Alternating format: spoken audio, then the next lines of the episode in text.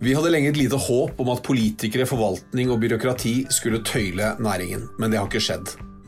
I stedet har norske myndigheter og norsk forvaltning blitt stadig mer sammenfiltret med akvakulturnæringen.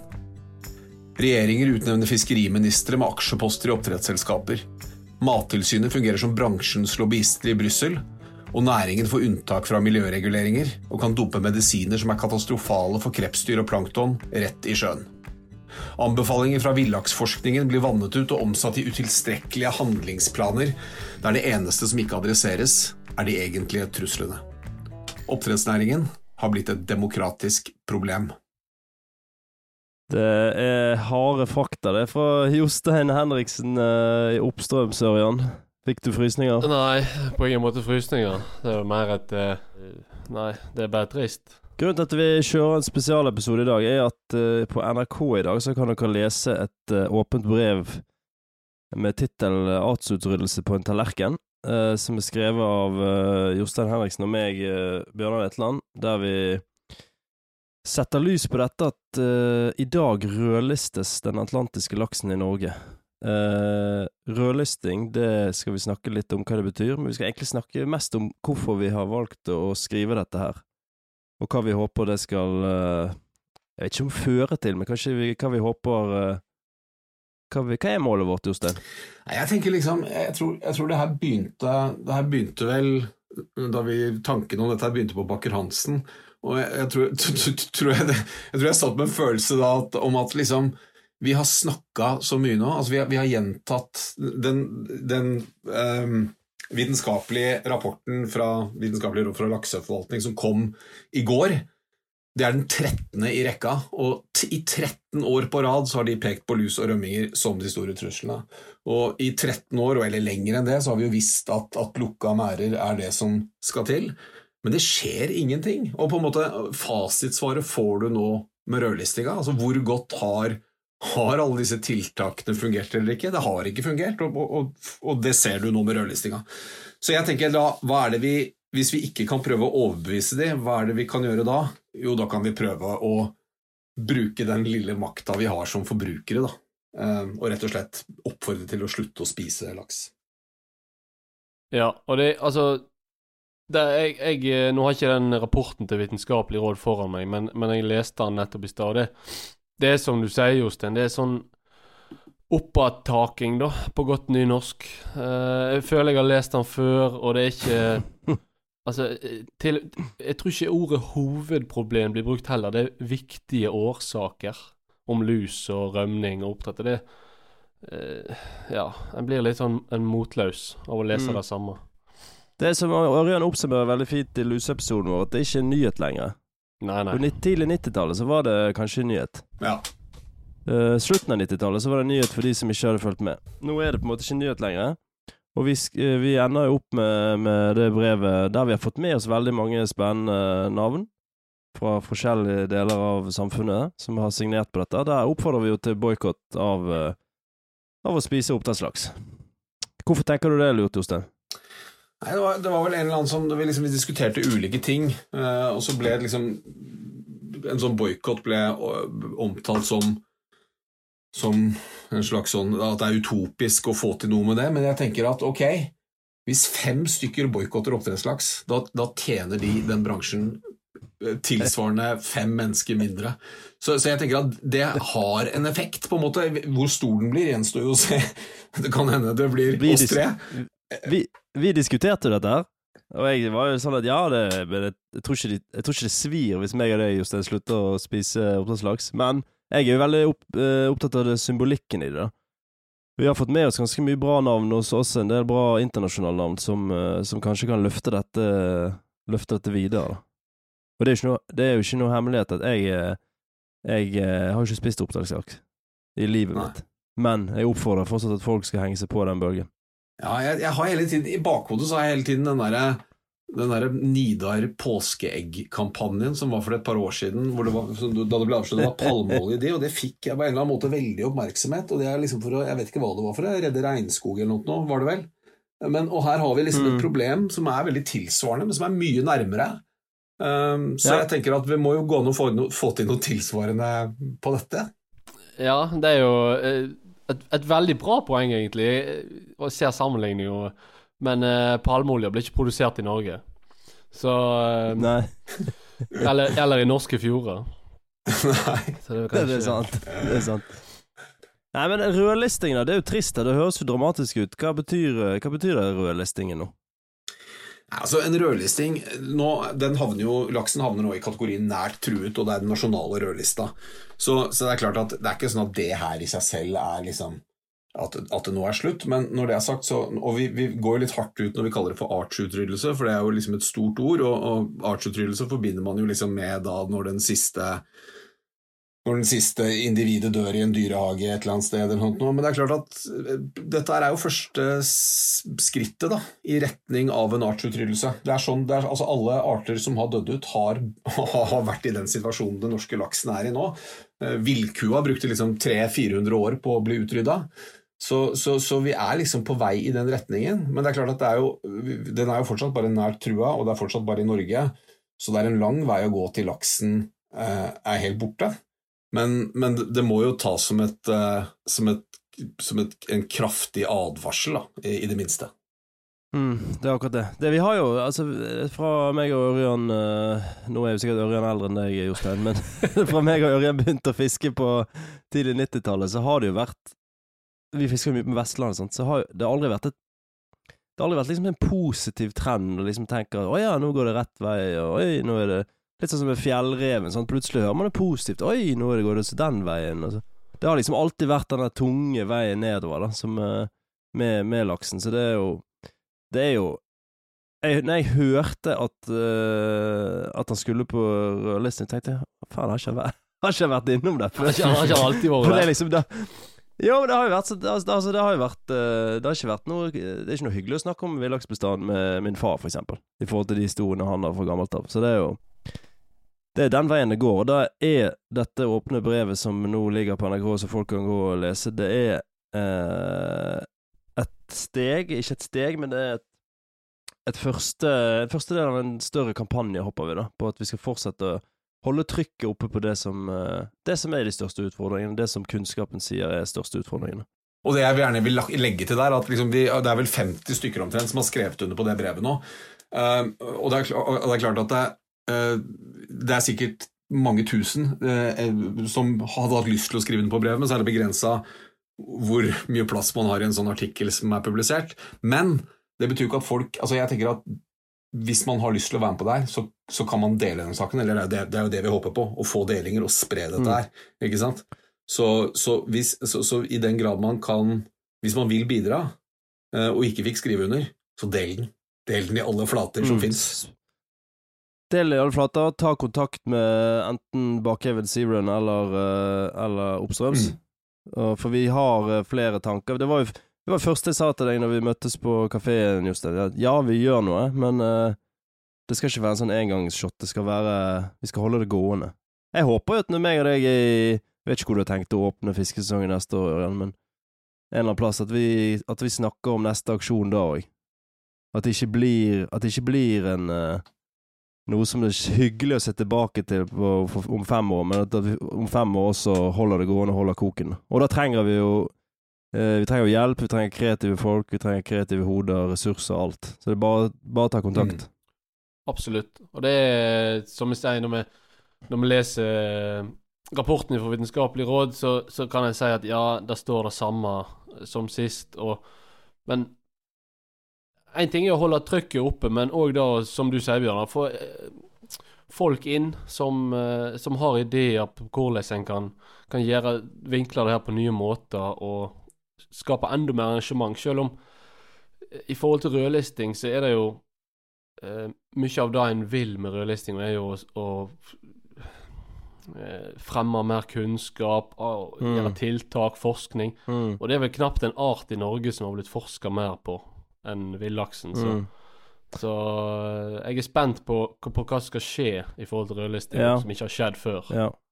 Det er vel alle forskere som man eh, Som jeg har spurt, i hvert fall, er jo tydelig på at man vet jo nok til å sette i gang tiltak. Det er jo ikke der det, det, ikke der det, det, ikke der det brenner. Nei. Så, så Nei, det var tøffe dager for villaksen. Uh, rødlisting, og så kom jo den rapporten for to dager siden. Og jeg har jo faktisk snakket med Helge Skoglund, som står som en av uh, en av kontaktpersonene fra vitenskaps, uh, Vitenskapelig råd. Så jeg snakket med han i sted, bare for å fortelle oss litt hva er det, hva er det rapporten nå sier oss, og er det noe nytt? Slik er statusen for norsk villaks i 2021, står det her. Jeg leser på skjermen. Og da har jeg vært så heldig å få med meg eh, Helge Skoglund i Vitenskapsrådet, som kan eh, fortelle litt mer om det. I dag kom det en ny rapport som eh, rett og slett forteller oss hva statusen er for norsk villaks. Og hva vet vi nå, Helge? Ja, jeg kan si denne rapporten er en årsrapport som kommer hvert år. Som på en måte beskriver rikets tilstand for villaksen i Norge. Eh, og eh, den eh, beskriver status fram til og med sesongen for 2020, da, kan man si. Så den har jo ikke med seg det siste året nå, da. Nei, nei. Så det, så det er på en måte det vi vet fram til 2021-sesongen. Mm. Så den sammenstiller jo på en måte de resultatene vi har fra fangst og i sjø og elv. Eh, samt gytefisktellinger for å beskrive statusen for, for laksen. Eh, ok, interessant. Så han har ikke med, så han har ikke med fangst og tall fra 2021, altså? Nei, det er ikke klart ennå. Altså, Fangststatistikken er heller ikke ferdigstilt ennå. så det, det, har han ikke. Og, og gytefisktellinger har vi heller ikke ferdig, ikke ferdig med for 2021. Nei. Så, eh, da skulle, til, med 2020, da. da skulle til å trekke en konklusjon om at det hadde sikkert ikke sett bedre ut etter 2021, men det trenger ikke vi, det trenger ikke vi snakke om. Vi kan jo snakke om det som dere vet med rapporten, altså fra 2020. Hva er det, hva er det han forteller oss? Ja. Altså det generelle trenden er jo at, eh, at, laksen har gått eh, mye tilbake. Eh, og Innsiget av laks som kommer tilbake fra havet har jo blitt halv, omtrent halvert siden 1980-tallet og fram til nå. Mm. Uh, og, så det er på en måte ikke noe nytt, og det er på en måte noe som man har sett, sett i de flere år. Og På 1980-tallet så kom det ca. 1 million laks tilbake til norske lakseelver. Mm. Og det tallet er da ca. En, halv, en halv million nå. da. Mm. Det er Tilbakegangen det er på en måte, den er litt forskjellig i ulike deler av Norge. og Den er størst nå på, på Vestlandet spesielt. da. Ja. Mm. De største truslene for, eh, for uh, villaksen vår, da? Ja, altså Vi har jo en årlig trusselvurdering da, der det går gjennom de, ulike, de, ulike, truslene. Og Som i de tidligere årene så er det jo lakselus og rømt oppdrettslaks som er på en måte de vurdert som de største truslene. Mm. Som både har en stor effekt på bestandene, og som på en måte heller ikke er, er kontrollert. da, uh, Der en nå på en måte er redd for at de kan gjøre ytterligere, ytterligere skade. Mm. Så er vi jo bekymra òg på, på altså andre, sykdom, andre, sykdommer relatert til, til oppdrett. Ja. Eh, det som er på en måte en stor trussel, men som vi fortsatt har veldig lite kunnskap om. Da, på hvor stor effekten er. I tillegg er det jo da eh, vassdragsregulering og arealinngrep og andre ting da, som på en måte har en stor effekt på, eh, på laksebestandene.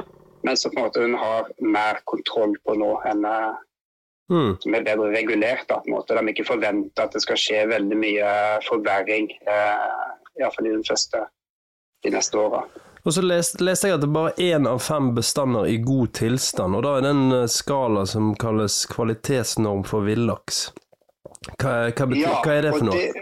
Det, kvalitetsnormen er på en måte en sånn, uh, et sånt system der en uh, som i praksis sier at en skal ha vurdere gytebestandsmål og høstbart overskudd mm. og genetisk integritet til, til bestandene. Mm. Så og kan si, Villagsrådet gjør en gjennomgang av oppnåelse av gytebestandsmål for ca. 200 vassdrag mm. årlig. Eh, men nå har han en gjennomgang eh, for perioden 2015-2019 for 449 eh, vassdrag, mm som er en stor jobb. Jeg har sett at det er en liten kategori med både grønt og gult og rødt. Altså det anbefaler folk å gå inn. De kan følge situasjonen i sin lokale elv. Det er godt å gå på vitenskapsrådet.no og klikke seg inn på kartet. der. Da ser man, får man lest litt mer om tilstanden i heimeelva. Ikke det riktig? Ja, altså, ja, den, den nettbaserte løsningen er kjempegod. Der kan du gå inn og lese veldig detaljert om, om alt det eh, Villagsrådet bruker av informasjon for å klassifisere status i laksebestandene. Og så Mm. og det er det veldig mye oppdatert bra informasjon der. Ja, det var spennende. Det er en veldig, veldig bra ressurs. Og så er det en fin eh, av Flere laks gyter i elvene, leste jeg plutselig på nederst på oppsummeringen her. Hvordan, Ja, hvordan går det Det høres jo litt Ja, hvordan kan det henge sammen? Nei, så Det er jo mindre laks som kommer tilbake, men en har jo, eh, en har jo hatt de siste årene hatt store innskrenkninger i fisket. Mm. Både i sjøfiske, men òg i elvefiske, som gjør at, en, eh, at eh, antall laks som gyter i elvene, altså gytebestandene, de er egentlig holdt seg forholdsvis stabile og til og med økt litt tidligere.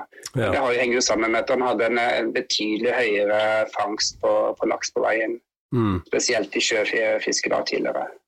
Så det, det ligger på en måte eh, til rette for at hvis man eh, får uh, bukt på de største utfordringene, så er det jo håp, da. Det går ikke bare Det er ikke alle Det er ikke overalt det går feil vei. Nei, det er jo ikke det. Og så klart at eh, i tillegg til de menneskeskapte uh, truslene her, så er det jo selvfølgelig sånn at uh, overlevelsen ute i havet er jo en stor effekt der. Uh, og den sjøoverlevelsen har jo vært dårlig nå de siste 20-25 åra. Mm.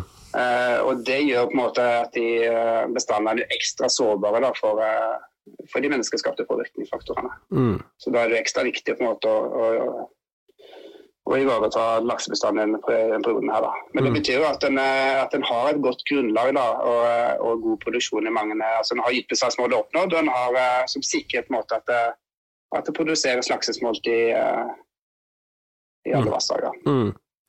Nei, men uh, tusen takk, Helge. Og så igjen oppfordrer folk til å gå inn på den uh, linken uh, helt nederst på vitenskapsrådet.no, der det står 'følg situasjonen i din lokale elv'. Det er veldig gøy for de som har lyst til å nerde litt ekstra. Takk for praten, Helge. Ja, Helge oppsummerer jo det er ganske greit, egentlig, det vi snakket om, og det som står i det åpne brevet. da. Det, det går ikke, det går ikke bedre, og kun én av fem eh, laksestammer er da grønt i denne kvalitetsnormen, og det er jo skremmende. Så det var god, eh, både god og eh, Altså dårlig dag, dårlige dager for laksen, men eh, god timing for å skrive, skrive saken, Jostein. Ja, definitivt. Vi må vi får prøve å bruke denne, denne anledninga for, for det den har vært. Ja.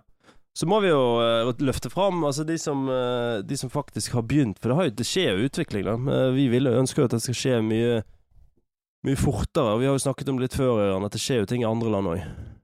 Ja, absolutt. Jeg, jeg begynte episoden med å, å kalle meg oppdrettsmotstander. Det er egentlig ikke sant i det hele tatt. Uh, men det er måten det blitt drevet på. Så en må, en må, uh, en må fremme de som velger å tenke nytt i forhold til lukka anlegg, og land som f.eks. Argentina, der en har uh, vil forby oppdrettsanlegg i åpne merder. Mm. Så det er Noen er fremoverlent, for å bruke det uttrykket. Så det er, det er ikke Alt er ikke svart. Det skjer ting, og jeg håper jo Jeg forventer egentlig det av eh, Av eh, eh, ja, Norge da, som nasjon, at vi er med og drifter den utviklingen. At ikke vi henger på bak beina, og så at vi kommer etter. Jeg forventer at vi pusher det der. Så det, de skal vi heie på. Vi er jo ikke mot oppdrettsmotstandere. Det er vi. Det har jeg aldri følt at jeg er, men jeg er motstander sånn som det drives nå. Altså de ordinære, ordinære driftsformene i åpne, åpne anlegg. Så jeg, jeg tenker også vi bør kanskje gjøre noe stunt på de som produserer for uh, Produserer laks i lukkede anlegg. Kanskje arrangere noe Kanskje vi skal dra ned på den kafeen vi samlet, Jostein, og arrangere julebord eller laksebord, eller med lukkede, laks fra lukkede anlegg. Hva sier du om det? Det var en jævlig god idé. La oss gjøre det. det er ikke så vanskelig for deg, til å få tenning på ideer, Jostein. Nei, men det er, det er, det er, det er klart at det, hvis vi, altså, For det er jo like viktig, jeg er veldig enig i at for at det ikke bare skal bli sånn negging, dette her, at vi, at vi holder fram alternativer og, og, og viser fram det som finnes allerede av løsninger. For jeg, igjen, jeg tror at får du med nok folk på det, det er der løsninga ligger. Ikke, ikke i flere rapporter eller, eh, eller kunnskapsoppsummeringer. Ja. Jeg tenker vi gir oss med de kloke ordene der, jeg. Og så oppfordre til å gå inn og lese, lese brevet på NRK, og gjerne dele det, og gjerne komme med innspill og ta kontakt hvis du har lyst til å bidra. Og da er det oppstrøms Zeron eller Bakhevin. Det ser ut som du har lyst til å si noe. Da er du dårlig på å lese folk. Jeg syns det var veldig bra Veldig bra avslutning. Nydelig observert, Bjørnar. Nei, men takk for nå. Og så uh, Jeg driver sitter, med- Madammen sitter og vurderer sånn skjult adresse, men jeg har sagt at det går fint. Så, jeg, så jeg, det, det går fint. Vi får stå i det. Vi får stå i det. Ja. Takk for nå. Vi snakkes. Gjør vi. Ha det godt. Ha det.